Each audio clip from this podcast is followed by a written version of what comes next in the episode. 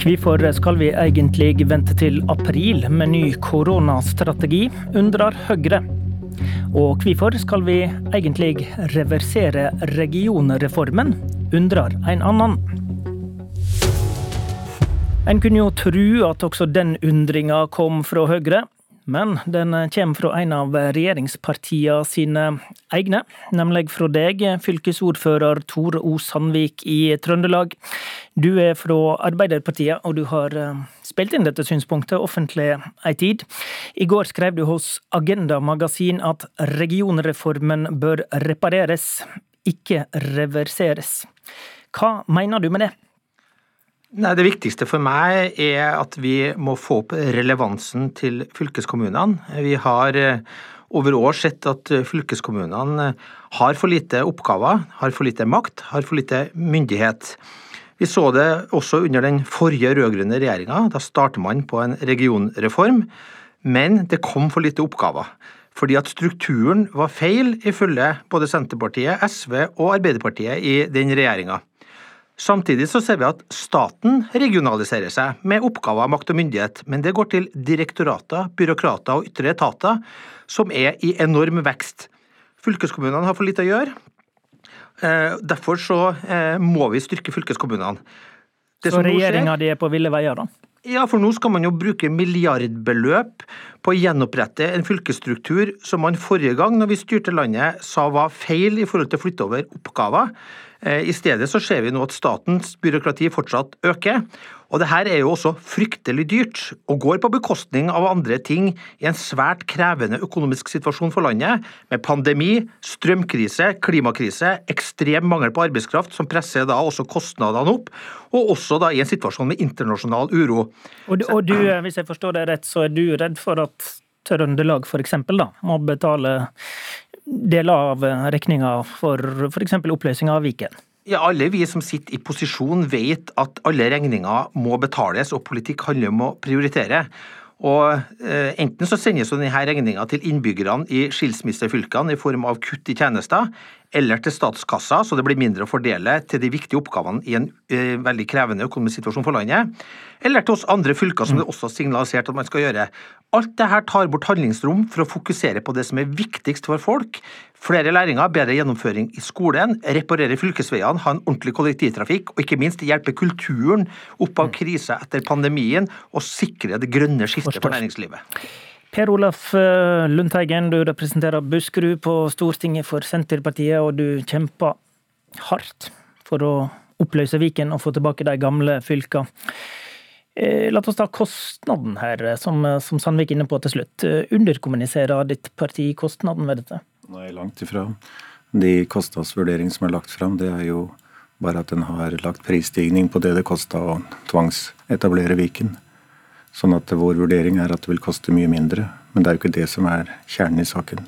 Det som Er kjernen i saken... Er ikke kostnaden relevant? Jo, det er relevant. Det er anslagsvis 200 millioner kroner som eh, våre folk i fylkesrådet i Viken har kommet til.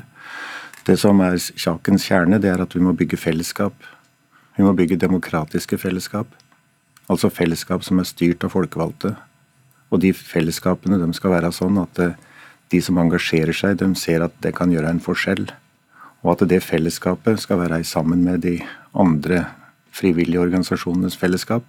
Sånn at vi altså her får en større trygghet. Og så kommer diskusjonen som Toro Sandvik tar opp. Hva skal så fylkeskommunen drive med framover? Og der har vi nok forskjellig syn på hvordan det bør utvikle seg. F.eks. nå så gjennomføres det en stor barnehagereform hvor kommunene får et langt større ansvar.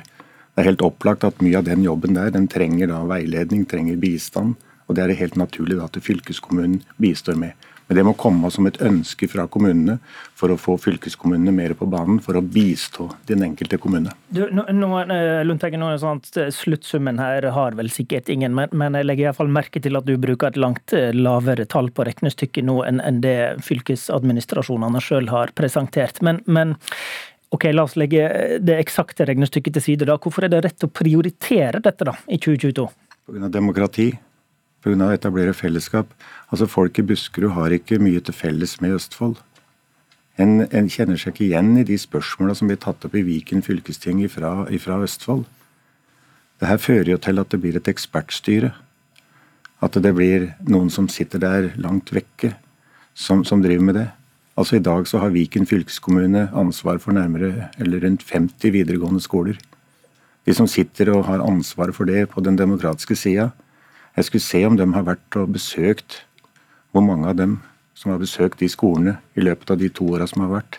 Ok, Vi skal ta den til Sandvik. Jeg går ut fra at du har uh, besøkt en og annen skole som fylkesordfører. Demokrati, det koster jo det, Sandvik. Kanskje Lundteigen har rett i at demokratiet blir styrka med mindre fylke? Trøndelag er like stort som Danmark, og det går fint å ha god oversikt over de videregående skolene. Men det viktigste problemet her er jo at de fellesskapene som Lundteigen ønsker seg, skal da eh, ramme inn eh, fylkeskommunen. De har for lite makt, myndighet og oppgaver. Og Det vi så over tid, det var jo at valgdeltagelsen gikk ned. Østfold f.eks., siste fylkestingsvalget i Østfold, var det under 50% som stemte. Det var ikke fordi det var dårlig, dårlig, politikk som ble presentert, men det var fordi det forsvinner i offentligheten, for det har for lite, lite relevans for velgerne hvis du ikke har makt, myndighet og oppgaver. Det er jeg helt enig i, det er helt enig, men basisen må være at du har en enhet da som folk kjenner seg igjen i, som har folkelig oppslutning. I Viken så er det, Viken så er det, er det to tredjedeler av befolkningen som sier at vi ønsker ikke Viken. Det tar vi hensyn til. Vi etablerer Buskerud. Og så kommer den viktige oppgaven. Hvordan kan vi gjøre at Buskerud fylkeskommune blir mer aktuell? Og, men den, vi... den, muligheten hadde du sist vi styrte landet, Lundteigen. Du har aldri vært opptatt av å fylle på med oppgaver til fylkeskommunene. Det kommer ikke til å skje nå heller. I stedet for å reparere regionformen, starte med oppgavene, gi fylkeskommunen relevans, flytte ut eh, oppgaver fra statsbyråkrati, fra direktorat og ytre etater til politisk styring, der vi tar helhetlige beslutninger, der vi sørger for at pengene brukes mer effektivt, der vi får slagkraft i det grønne skiftet, så blir det igjen med at vi ender opp med for små fylkeskommuner uten relevans. Jeg gjentar Østfold, som var det fylket som hadde lavest valgdeltakelse, hadde under 50% sist. Man går tilbake til strukturer som det er vanskelig å få oppmerksomhet om. Man går tilbake til strukturer hvor det ikke kommer til å fylles på med nye oppgaver, fordi at det blir for smått, det blir for spredt. Viken sitt første fylkestingsvalg hadde nesten 10% høyere valgdeltakelse. Sannsynligvis får man opplevde at det var større makt og myndighet der. Det påvirker livene dine mer som innbygger i, i det fylket. Lundtegen, Så nå må vi reparere, eh, ikke vi skal... reversere Lundteigen. Skjønner. Eh, vi avslutter med Lundteigen her. I Klassekampen i går sa du at Viken blir oppløst fordi ledelsen i Arbeiderpartiet vet hva som blir konsekvensene hvis dette ikke skjer. Um, og du sier at uh, Senterpartiet vil slutte å være dørmatte for Arbeiderpartiledelsen. Um, så Ap kan ikke lytte til sin egen fylkesordfører her, da, hvis de skal ha deg med på laget? Nei, det er ganske opplagt. Det som eh, Sandvik her sier, det er jo ei plate som vi har hørt nå de siste 20 åra. Men, men hva slags trussel er dette, lurer jeg på? Det er ikke noe trussel i det hele tatt. Altså Arbeiderpartiet gjør sine valg, men det som er saken, det er at Senterpartiet har gjort avtaler med Arbeiderpartiet i Viken og på Stortinget. Og hvis Arbeiderpartiet bryter avtaler, så veit Arbeiderpartiet konsekvensen av det. Ja, vi får la det henge i lufta, og så går vi videre til neste debatt. Abonner på Politisk kvarter som podkast, og få sendinga rett til din mobil. Nesten daglig kommer det endringer i koronareglene nå, og akkurat nå er det jo ofte knytt litt glede til det, ettersom det gjerne er snakk om lettelser. Men Høyre etterlyser en ny langtidsplan eller strategi fra regjeringa. Helseminister Ingvild Kjerkol har sagt at det skal komme en ny strategi i um, april. Eh, Ole Henrik Bjørkholt, du er statssekretæren til Kjerkol. God morgen. God morgen. Hva type plan er det som skal komme i april? Nei, altså Da har vi vært igjennom eh, en vinter med høy risiko for luftveisinfeksjoner, og hvor vi forhåpentligvis er kommet på den andre siden av omikron-bølgen. Eh, og Da har vi varslet at vi vil eh, lansere en Leve med-strategi som skal bære oss igjennom den siste fasen av pandemien. Tone Trøen, helsepolitisk talsperson i Høyre. Hva er problemet med at denne strategien kommer først i april? Det er nok litt fordi eh, nå har jo Stortinget akkurat vedtatt at ordningene for næringslivet utløper i februar. Eh, og for eh, mange av disse ordningene som, som gjelder for arbeidsfolk i, i mars. Og vi syns det er lenge å vente til, til, april, og særlig fordi ting skjer jo veldig fort nå. og Det er jo et tydelig eksempel på det at det kommer endringer i testing og karantene ofte, og det er bra at, at det kommer, for det er jo viktig for, for folk. Vi tester jo folks tålmodighet nå. Eh, fordi veldig mange er kjempeslitne. Men vi syns det er lenge til eh, å vente helt til april, når eh, situasjonen er sånn som den er nå. Og jeg tror mange er litt usikre på skal vi nå leve, skal vi leve med den tidligere? Skal de som nå akkurat har tatt seg kaffekoppen på, på hjemmekontoret, vente helt til april? Vi syns jo det er lenge siden midten av av desember allerede, ikke sant? Og det er langt fram til april. Skjønner. Bjørk Bjørkholt, eh, nå, eh, de som har fulgt sendingene i dag, har hørt om overgang fra smittekarantene til dagligtester, innreisekarantene som blir avvikla. Er vi ikke inne i såpass store endringer at regjeringa bør komme med en ny overordna plan, slik Høyre etterlyser? Altså, virkemiddelbruken endrer seg jo ganske betydelig når vi får mer og mer kunnskap om hvordan omikronviruset virker. Eh, strategien vår er jo en kontrollstrategi, der vi skal ha kontroll på sykdomsbyrden, samtidig som vi tar hensyn til arbeidsplasser, økonomi og næringsliv, og ikke minst barn og unge. Og Den strategien den eh, er dynamisk eh, og bærer oss veldig godt og trygt gjennom vinteren. Så det er ikke behov for å endre strategien nå i vinter, men virkemiddelbruken blir jo selvfølgelig endret. Men vi fikk jo allerede Altså, i går så, så fortalte jo FHI oss at, at, eh, vi kan være mer beroliget med at omikron ikke gir så alvorlig sykdom. Eh, og det er nok eh, mange nå som føler at de godt skulle ha visst litt mer om Tenker regjeringen nå at skal smitten spre seg, og nå er det jo veldig høye smittetall. Og vi er jo veldig glad for at ikke det Eh, i så stor grad i hvert fall påvirker at veldig mange blir alvorlig syke. Men, eh, men, det er lenge til april. Jo, men Trøen eh, Bjørkholt er inne på dette med, med, vinter. Og det er jo sånn at Vintersesongen har hatt sitt eget preg. Gir det ikke mening å komme med ny strategi på vei over i vår og sommer? Jo, men Det virker jo som at eh, regjeringen tenker at uh, veldig mye er slutt i slutten av februar. da, Når, eh, når næringslivet ikke lenger skal uh, kompenseres for de uh, utfordringene næringslivet nettopp har. Bjørkholt, skal lytterne legge vekt på at kompensasjonsordningene går ut februar, eller at det kommer en ny strategi i april?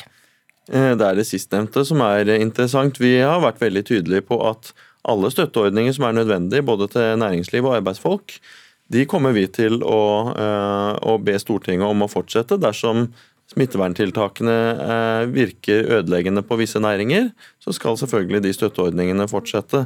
Vi ba jo faktisk også Stortinget om mandat til å forlenge det utover februar, men fikk nei.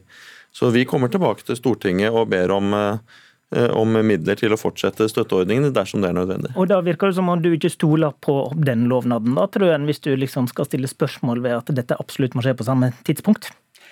Nei, men, men vi, må, vi, må, huske at den beredskapen vi har i hele folket vårt, da, det er um, tålmodighet er en viktig del av det, og tillit er en viktig del av det. Og da handler det nok også om å kommunisere, og, sånn at vi forstår, og sånn at vi holder ut.